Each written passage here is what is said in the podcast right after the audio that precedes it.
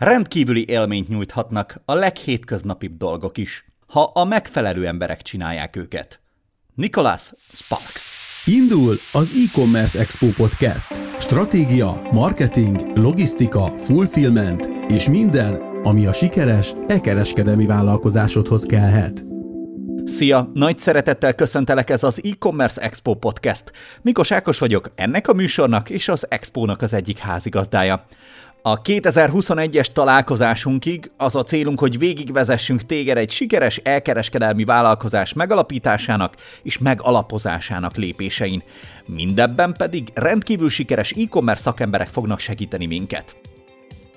A mai beszélgetésünk vendége Mészáros Gábor lesz az Extreme Digital Customer Experience vezetője hogy mi az a vásárlói élmény, és ez miben különbözik a user experience-től?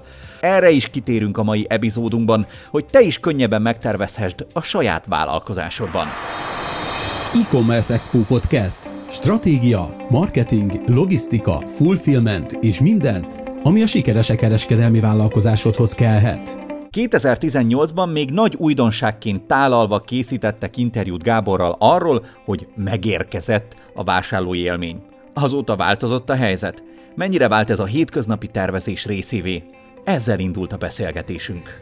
Szakmán belül jóval kevesebbet kell magyarázni igazából, tehát bármilyen szakmai közösségbe mész el, ami nem, nem az ügyfélélményre vonatkozik, hanem bármilyen kereskedelmi szektorra, ott azért ezt már tudják. Hát nem véletlenül vannak ügyfélélményblokkok egy ilyen területen, vagy éppen vannak, a, a, amikről egy kicsit korábban beszélgettünk, olyan kis szeminárumok, vagy nem is tudom, hogy fogalmazza őt, olyan kis közösségi összejövetelek, ahol, ahol már direkt ez a téma. Szóval szerintem sokat fejlődött, vagy sokkal ismertebb lett, én úgy gondolom egyébként a jövőben az ügyfélélmény az, az egy külön szakma lesz majd. Tehát úgy, hogy most vannak marketingesek, meg vannak kereskedelmi szakemberek, meg vannak jogászok, úgy lesznek majd ügyfélélmény területen szakértők, akik ezt a sok mindent majd valahogy egybe húzzák, hogy az ügyfél egyébként ezzel hogyan találkozik, hogyan szembesül ez nála, hogyan esik le, hogyan, hogyan tapasztalja meg az élményt, és, és ennek is vannak különböző válfajai, mert én azt gondolom, hogy eh, ahol most tartunk leginkább, itt Magyarországon, itt még nem, nem annyira ügyfélélmény, tehát ügyfélélménynek hívunk egy csomó mindent.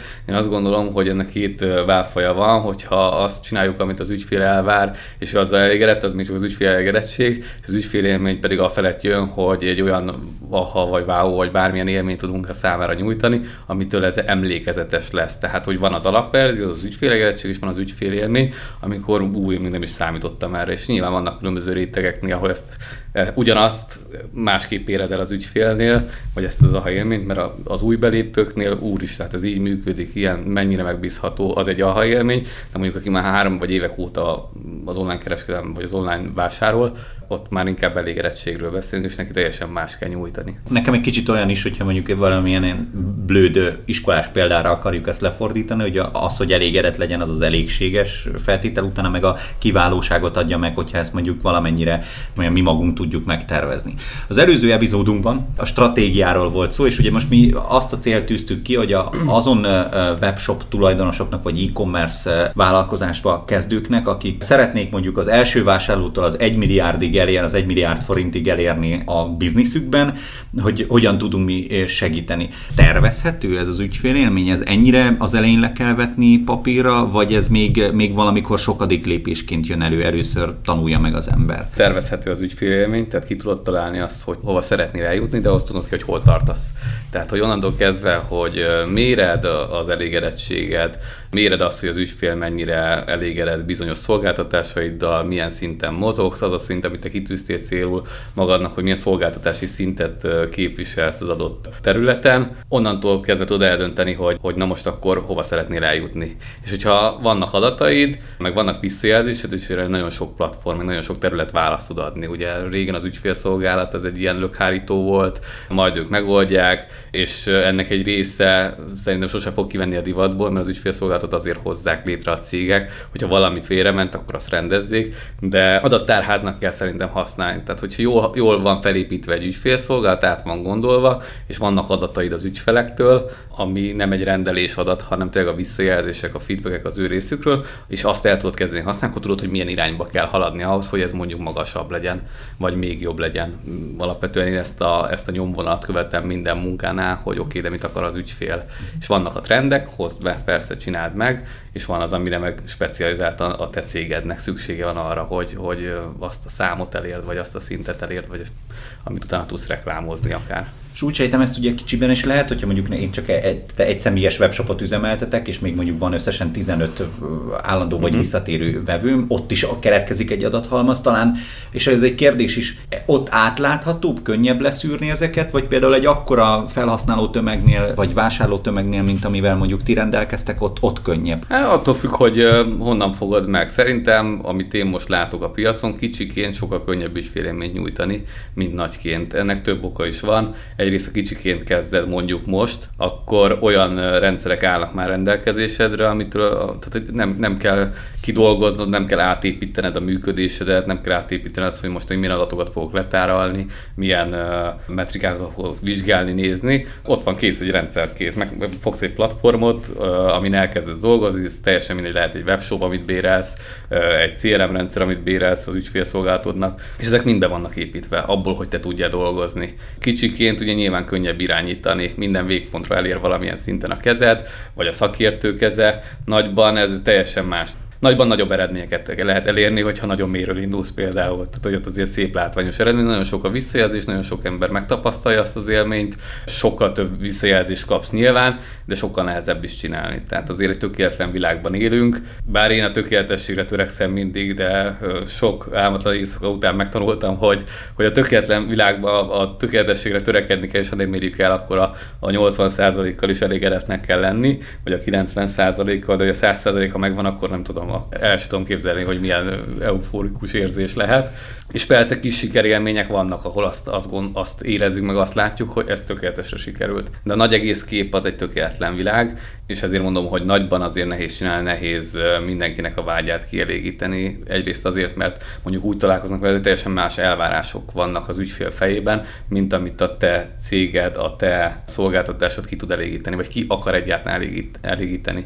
Ha nem találja meg ezt az információt, és azért ezt nehéz egy nagy, nagy verzióban összeszedni egy egy, egy, egy oldalra, hogy akkor te most ezt fogod kapni, és ne számíts erre, meg ne számíts arra, hanem csak erre számíts. Ezért nehezebb a nagyobb szerintem. Lehet-e, vagy kell-e még azzal küzdened, hogy mondjuk elmagyarázni, hogy mi az ügyfél, meg mi a vásárló élmény, vagy felhasználó élmény, vagy ugye, tehát a kettő nem ugyanaz, és hogy ez, ezt még kell-e mostanában még magyaráznod? Mostanában már nem. Tehát, hogy így megtanultuk a rövidítéseket. Ugye, hogyha azt a cikket olvastad, akkor ott is alapvetően ezzel kezdtem, hogy más a UX és más a, más a, a, a CX, mert én nem, nem annyira foglalkozom a weboldallal, hogy most akkor az felhasználó barát legyen, és persze egy csomó funkciónak a fejlesztését specifikálom, meg szorgalmazom, de az, hogy ez hogy nézzen ki, ez hogy legyen átlátható, stb., azt, azt átadom a UX-es kollégának, átbeszéljük a, a szempontokat, meg hogy mik, mik, mik a legfontosabb elemek, amire, amitnek tudnia kell a funkciónak, hogy ez miről fog szólni, és ő tervezze meg a saját tudása alapján. Az, az egy teljesen különálló szakma. Két évvel ezelőtt mondjuk még magyarázni kellett, hogy az nem ugyanaz. Még cégen belül is magyarázni kellett, hogy az nem ugyanaz, nem, nem értek hozzá. Tehát, hogy van, van gondolatom, meg nyilván van ismeretem valami, de nem, nem nincs szaktudásom belőle igazából úgyhogy ezt át lehet adni. Én, vagy hát ez a Customer Experience, az onnantól kezdve foglalkozik a vevővel az én definícióm alapján, hogy leadta a rendelését. Addig kevésbé. De a kettő ugye támogatja egymást. Tehát per, egyértelműen persze a UX-es ugyanúgy kér szápportot tőlem, és én is kérek tőle szápportot, hogyha egy projekten dolgozunk,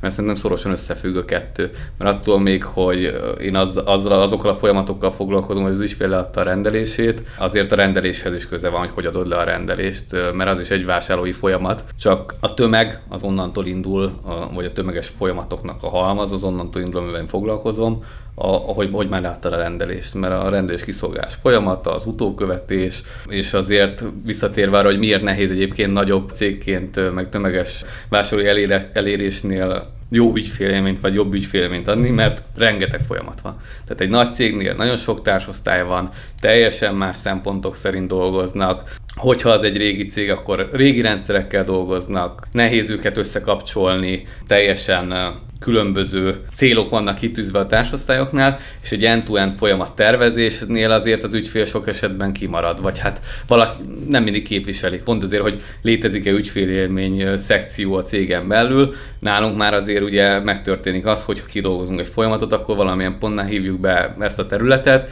és mutasson rá azokra a pontokra, ahol még mondjuk vannak hiányosságok, vagy már az elejétől kezdve dolgozzon velünk, mert az a kérdés, hogy oké, okay, kidolgozunk egy folyamatot, de hogyha ez félre megy, akkor mit csinálunk? Na ezek már nincsenek kidolgozva. És itt jön az, amikor majd az ügyfél betelefonál egy ügyfélszolgálatra, vagy bármilyen csatornán felveszi velük a kapcsolatot, és akkor ott áll egy ügyintéző, vagy bárki, hogy hát nem tudjuk. És ilyenkor jönnek a kapkodások. Ezeknek is megvan a megvan az a hozzáadott értéke idézvélesen, mert ha legalább kiderül egy probléma, akkor van miért dolgozni, és ez egy kicsit drágább megoldás, ugye, hogy ott az ügyfél még attól függetlenül gyorsan, gördülékenymentesen kapjon információt, és utána lehet egy optimalizált folyamatot kidolgozni rá, de azért az a szerencsésebb, hogyha az end tervezzük a folyamatot. De akkor ennek van valaha vége? Tehát olyan, hogy a, mit, elértek a ügyfélélmény zenbe, és akkor onnantól mindenki lebeg, hogy ez most már így jó, kivédtük minden lehetséges verziót. Hát ez egy jó kérdés, szerintem sose lesz vége, pontosan azért, mert ekkora méretekben nagyon sok terület dolgozik különböző dolgokon, és ha az egyiket befejezted,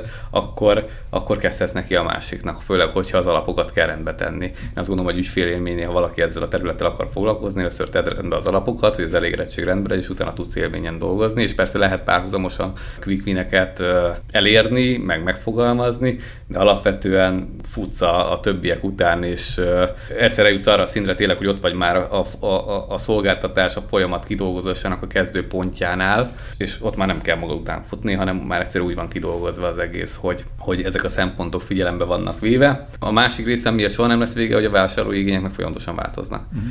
Tehát megtapasztaltunk egy élményt, szuper, egy idő után szépen berögzül a mindennapokba, oké, okay, akkor most már más elvárásaink vannak. Itt ez a Covid, ahol azért elég gyorsan kellett reagálni, és szerencsére a cégnek a területei, akik ezzel foglalkoztak, hogy az intézkedéseket meghozták nagyon szépen, és előre gondolkodva, és határozottan és jól végigvezették, és ezáltal bár az elején, amikor át kellett állni, nehézségek voltak, hiszen azért kevés idő állt rendelkezésre, innen is teljes tiszteltem az üzemeltetést, akik home office-ba küldték az egész csapatot eszközileg, de hogy a Covid alatt megváltozott az, hogy hogyan vesszük át a csomagot, hogyan fizetünk, mindenki azt mondta, hogy a készpénzt azt így táv, tartsuk távol magunktól, mert az fertőzött lehet, és elindult az, hogy, hogy az online fizetések aránya brutálisan megnövekedett. Na most onnantól kezdve egy csomó folyamatban szerepet játszik. Ha valaki le akar mondani egy rendelést, az nem úgy működik. Tehát egy, egy online térben azért az, hogy egy kifizetett rendelés automatikusan végbe menjen, a visszatérítés automatikusan megtörténjen,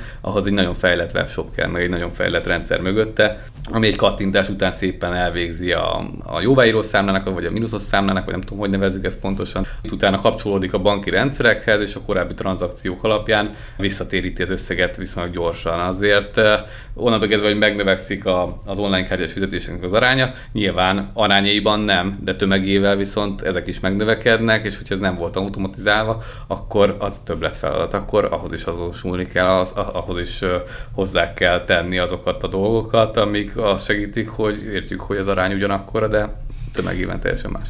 Te ugye előtte marketing kommunikációval is foglalkoztál, meg hát most is azért úgy igen, hát a diplomám, egész... alapvetően közgazdászként diplomáztam, igen, és akkor marketingesként kezdtem az életemet. Szóval, hogy ez az ügyfél élmény dolgot, én csak tippelek, segíti egy jó brand, vagy jobban segíti? Tehát, hogy azért, hogy mondjam, felépíthetsz egy tökéletes folyamatot, hogyha, hogyha egyébként nem áll mellette, és olykor kiúszhatja a méregfogát a helyzetnek, hogyha, hogyha egyébként egy jó brand áll mögötte mellette, vagy ez a kettő hogyan függ össze? A jó brand az inkább így könnyíti ezt az egészet, mert és egyben nehezít is. Ha jó a brand, akkor, akkor egy-egy apróbb hiba az úgy a tömegben elveszik. Majd kitérek arra egyébként, hogy ez mikor jön elő nagyon az apróbb hibák, mikor lesznek erősebb hibák. De egyben nehezíti, mert az ügyfélnek az elvárása a brand érték, meg a, amit ő a brandről képzel, vagy, vagy, vagy az, ami, az az image, amit mi mutatunk magunkról, vagy amit az ügyfél megtapasztal, azért az egy messze ától, és ugye mi a beszélgetés elején beszéltünk, hogy mit vár el az ügyfél, nem tudsz azért mindenkit kielégíteni, mert nem feltétlenül azt akarod kiszolgálni, ami az ő igénye, csak ő ezzel mondjuk nem teljesen van képbe, vagy nem nézett utána, meg nem is biztos, hogy megtalálja az információt, mert ezeket nem írjuk fel az oldalra, hogy ezt is, ezt is, ezt nyújtjuk, azt pedig nem. Tehát könnyít is, meg nehezíti. Melyek azok a mozzanatok, amelyek apró tényezőként, de megakasztanak egy folyamatot? Mire érdemes odafigyelni? Az apró dolgok mindig a szezonban jönnek elő. Az, ami egyébként elmuzsikál, mert az ügyfélszolgálat lekezeli évközben, és jön a szezon, ahol mondjuk háromszor nagyobb rendelés mennyiség van, meg be, becsatlakoznak azok a vásárlók, akik mondjuk évente egy-két alkalommal csak a karácsony idején szerzik be ezeket a, ezeket a termékeket, vagy veszik igénybe ezeket a szolgáltatásokat, akkor az többszöröződik. Az arány ugyanaz, tehát hogyha azt nézzük, hogy igen, csak 1% egyébként évközben, meg akkor is 1%, csak az az 1% az sokkal több mennyiséget vagy hoz magával igazából, és itt ilyenkor kijönnek, és ebből nagyon szépen lehet egyébként tanulni. Tehát én nagyon sok fejlesztést karácsonyi szezon után definiálok, és kezdek el rajta dolgozni, mert ez a sok kicsi apró az évközben nem jön ki, nincs akkora értéke. Ha évközben akarod eladni, hogy ezt fejlesztjük le, akkor a ROI is másképp néz ki. De nyilván a roi nem pár hónapra tervezünk, hanem azt nézzük, hogy ez mikor fog ennek a fejlesztésnek visszajönni, és általában a szezon mindig sokat segít, mert ott abban az időszakban sokkal nagyobb az értéke egy ilyen fejlődésnek. Nyilván lelkesen beszélsz erről az egész nagy témakörről. Mi az, ami a legjobban, tehát melyik az a területe, vagy részterülete, ami azt mondod, hogy amúgy a legjobban élvezel csinálni az ügyfél élménnyel kapcsolatosan?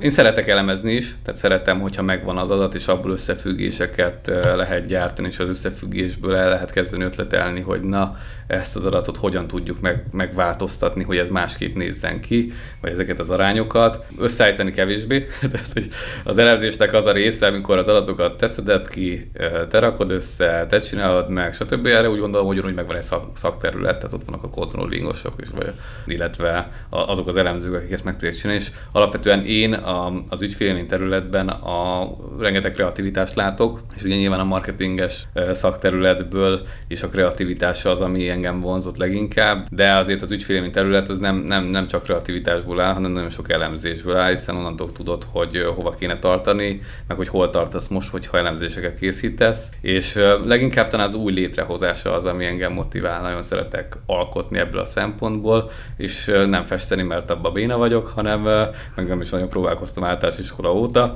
de amikor létrehozol valamit, és egy olyan dolgot hozol létre, aminek tudod követni az utóéletét, és nem csak elengeded, és megyek a következő projektre, mert ha létrehozol valamit, akkor azt onnantól kezdve gondozni kell, akkor engem mindig az motivál, hogy na ezt jól csináltuk meg, jönnek a számok, elfogadják, ezt akarják még bele, persze az ügyfelek nem így mondják, hogy még ezt szeretnénk bele, nem az, hogy ezt se tudja, de ezt át kell transformálni arra, hogy az ügyfeleknek még erre van szükség, és akkor lehet szépen finom hangolni, meg plusz funkciókat betenni akár egy új fejlesztésbe. Ha valaki mondjuk ebbe bele szeretne szagolni, vagy mélyebben beleásni magát, akkor talán az még jobb. Hol érdemes elkezdenie szerinted?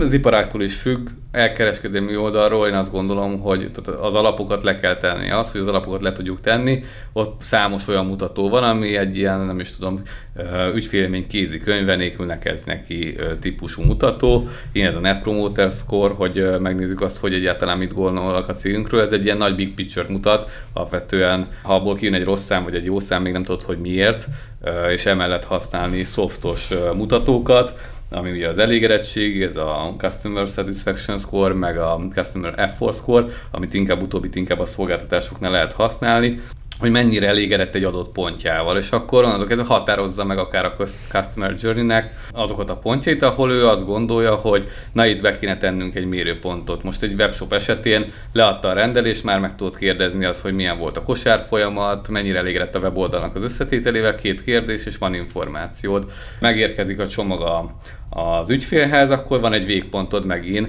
ahol szintén fel tudod tenni azt a kérdést, hogy mennyire volt elégedett a kiszolgálási folyamattal, a termékkel akár, amiket fel tudsz használni már egy következő értékesítés során, és meg ebből lehet tanulni. Illetve ott vannak a szolgáltatások, amikor az ügyfélszolgálaton valaki esetleg kapcsolatba kerül az ügyfélszolgálattal, és és annak az ügyintézési részét értékeli, mennyire elégedett az eredménnyel, mondjuk az egy ilyen e-mail kezelendő eredmény, mert szintén ugye az ügyfelek van egy elképzelése, hogy ezt hogyan lehet kezelni, és van az, hogy egyébként ezt lehet kezelni gazdaságosan, illetve ott van mondjuk egy szerviz folyamat, vagy egy visszaküldési folyamat, ezeket a pontokat kell mérni, és hogyha innentől kezdve megvan az adatunk, meg esetleg olyan méréseket végzünk, ahol az ügyfél szabad szavason is vissza tud jelezni, akkor onnantól kezdve van egy alapod. Uh-huh. És onnan lehet elindulni, hogy akkor ez az alap mennyire jó, mivel kell foglalkozni, és biztos vagyok benne, hogyha valaki most kezdene ezzel foglalkozni, és eddig semmilyen formában nem kezdett el vele foglalkozni, akkor talál olyat, amin azért van mit fejleszteni, és ha megvan az adat, akkor pedig a belső kultúrát is át kell alakítani. Tehát, hogy nekem évekig tartott, hogy egyáltalán így foglalkozzunk már ezzel az MPS kérdéssel, és most már ott tart a cég, hogy maga ez, ez, maga ez a mutató, ez minden igazgatónak ott van a szem előtt, és hogyha fönt ezt elfogadják, a szervezeti szint legtetején ezt elfogadják, egyetértenek vele, magukénak tudják, akkor onnantól kezdve lehet lefelé építkezni, és a kultúra is olyan, hogy évekig tart, mire a kultúrában, mert egy raktárban dolgozó kollégának a felteszed, hogy hogyan járulsz hozzá az ügyfélélményhez, hát egy mit érdekli őt, ő csak a dobozokat pakolja jobbra-balra, pedig ugyanolyan fontos munka. És az ő, ő munkája is mérhető ebből a szempontból. Nem mindegy, hogy ezt a dobozt az elváráson belül, vagy az elváráson túl helyezi át egy, egyik pontról a másikra, mennyire figyel oda a csomagolásnál bekerül a számla, nem kerül be a számla, ki van-e töltve a használati útmutatónak a, vagy a garancia jegy, vagy nincs kitöltve, és ezek igenis fontosak. Mert abban az élményben, amikor átveszed a terméket, akkor ezeket fogod keresni. Nincs benne, az már egy mínusz.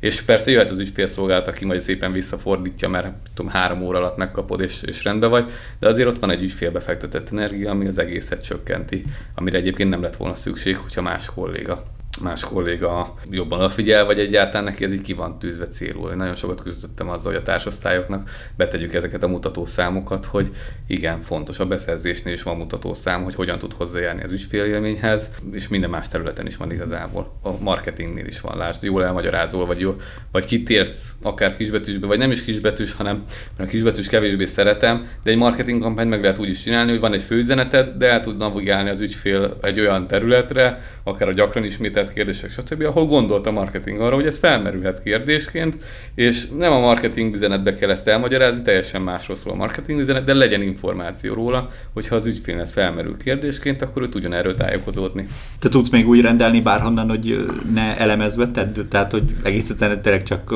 ugyanúgy, ahogy végig megy bárki magán a folyamaton. Hát ez egy nagyon jó kérdés.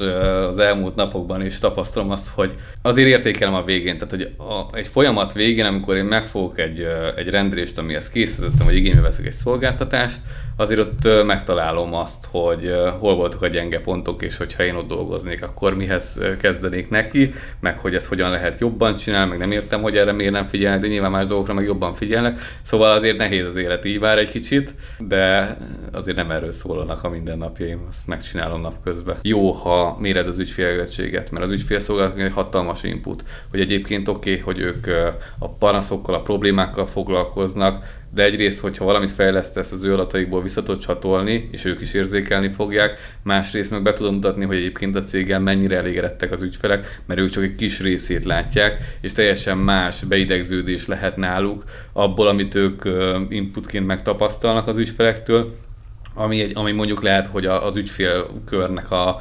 0,5%-a, a, a, a, akikkel ők találkoznak, miközben 99% meg a barátainak örömmel meséli, hogy itt vásárolt, hatalmas élmény neki a vásárlás vagy a szolgáltatás igénybevétele, és ezt vissza lehet adni az ügyfél akik így meg nem az lesz, hogy egy év után itt minden rossz, minden rossz, közben pedig nem, csak hát ugye nyilván ők azt a részét tapasztalják. Mielőtt folytatnánk és egyben befejeznénk a Gáborral közös beszélgetésünket, jöjjön az a rovatunk, amelyben sikeres webáruházak tulajdonosai adnak egy-egy tippet most induló vagy formálódó vállalkozásoknak. A kérdés szinte mindig ugyanaz. Mit tanácsolnál egy most induló webshopnak? A tanácsadónk ezúttal? crystalpage.hu Edina, azt hiszem kiinduló állapotnak előny, ha megvan a szerelem, termék, profil iránt, de mindenképpen adjanak időt önmaguknak és a webshopnak is. Sokan gondolják úgy, hogy megnyitnak egy webshopot, és onnastól ömlik be a megrendelés. Nem. Ez egy tűz, amit a gyújtóstól a fákig kell felépíteni, lángra kell gyújtani, és utána is folyamatosan kell hordani rá a fát. Csak akkor kezdjék el, ha erre készen állnak. E-Commerce Expo Podcast. Magyarország legnagyobb ekereskedelmi konferenciájának műsora. Okay, and now back to business. Na de most térünk vissza Mészáros Gáborhoz. Kíváncsi voltam, hogy egy vásárlási élmény vezetőnek milyen tapasztalatai vannak akkor, hogyha egy másik webshopnál vásárol. Vásároltam egy bringát egyébként még a Covid elején, ugye nem a Covid végén, mert a home office az szerkezetileg alakított a testemen, és úgy gondoltam, hogy akkor sportértékkel lehet bringázni. Ott például teljes mértékben elégedett voltam azzal, hogy voltak megfelelő információk, tehát igazából negatív és pozitív példát is tudnék hozni arra, amikor én elkezdtem keresni, hogy milyen típusú kerékpárt szeretnék vásárolni. Volt olyan cég, aki lerázott, nincs a nagy kerbese ilyen, tök más tudok neked ajánlani, stb. És nem is tetszett a stílus igazából, hogy kommunikált. Kis cég látszott rajta, hogy neki erre nincsen folyamata, valószínűleg ő volt a tulajdonos is egyben, és valami szakkerékpár volt, volt, ahol nyilván ezekre kevésbé figyelnek, és volt olyan, aki azt mondta, hogy utána jár, kaptam vissza információt, betartotta az ígéretét, visszahívott, leadtam a rendelést, nincsenek, nem voltak kifinomult automata visszajelzéseik, de felhívott, megkérdezte, hogy szükség van-e még valamire, tehát hogy azért ő értékesített ismeret, és azt éreztem, hogy ki vagyok szolgálva, és kapok olyan inputot tőle, amire mondjuk én nem gondoltam, hát azért ez egy teljesen szűz kerékpáros vásárló voltam, 12 éve nem ültem bicikligin igazából, és oké, okay, hát akkor kell venni lámpát, jó, akkor még ezt is kell venni hozzá, stb. Mert egyébként este ott néztem volna, hogy egyrészt hol vagyok, mert nem látok semmit, másrészt engem sem látnak, utána pedig kipróbálni a bringát, egy ilyen élmény után nagyon más a város a bringáról, mint autóból, vagy mondjuk egy tömegközlekedési eszközön, és az emberek mosolyognak, és ez egy ilyen, ez egy ilyen, nem tudom, ez egy olyan flow volt, ami a végén ott volt, hogy tök jó bringázni mi az, amit mondjuk magadnak saját területeden belül kívánnál öt év múlva? Mindig legyen kihívás, és hogy legyen a kihívás megoldására nyitottság öt év múlva is. Azt, hogy maradjunk meg annál, hogy adatvezérelten kezdünk el fejleszteni és, és kipróbált technikákkal, vagy alkalmazunk azokat a módszertanokat, amiket, amik már beváltak, és ne csináljunk olyan, tehát hogy amit nem szeretek, az a pénzkidobás, hogy elköltünk x millió forintot valamire, aztán csak azért, mert ez volt az ötletünk, de adatok nem támasztják alá, hogy ezen a vonalon maradjunk meg. És magának a szakmának, meg azt, hogy igenis foglalkozzon mindenki az ügyfélélmény résszel, teljesen mindegy, hogy ez egy három személyes kerékpár volt, vagy egy több milliós vásárlóerővel rendelkező webáruház, mert fontos lesz a jövőben, és, és legyen ott a, a vezetés szem előtt, hogy ezt, ezt mérni kell. Úgyhogy kihívást, sikereket, meg lehetőségeket, és izgalmas feladatokat. Azért az izgalmas feladatok kellenek, hogy bármit is hosszú távon tudjunk csinálni, bármilyen másik szakterületen. Hasonlókat kívánunk neked is. Mészáros Gábor volt az e-commerce Expo podcast mai vendége, akivel a vásárlói élményről beszélgettünk. Keresd a további részeinket is, és fejlődj velünk együtt a még sikeresebb e-commerce vállalkozásod felé haladva. A következő epizódban remélem találkozunk. Addig is minden jót kívánok, és kívánunk neked. Ez volt az e-commerce Expo podcast. Ha te is tele vagy kérdésekkel, a következő részig olvasd el a blogunkat az ecomexpo.hu per blog oldalon, vagy iratkozz fel az Expo hírlevelére. Addig is jó növekedést és sikeres kereskedést kívánunk!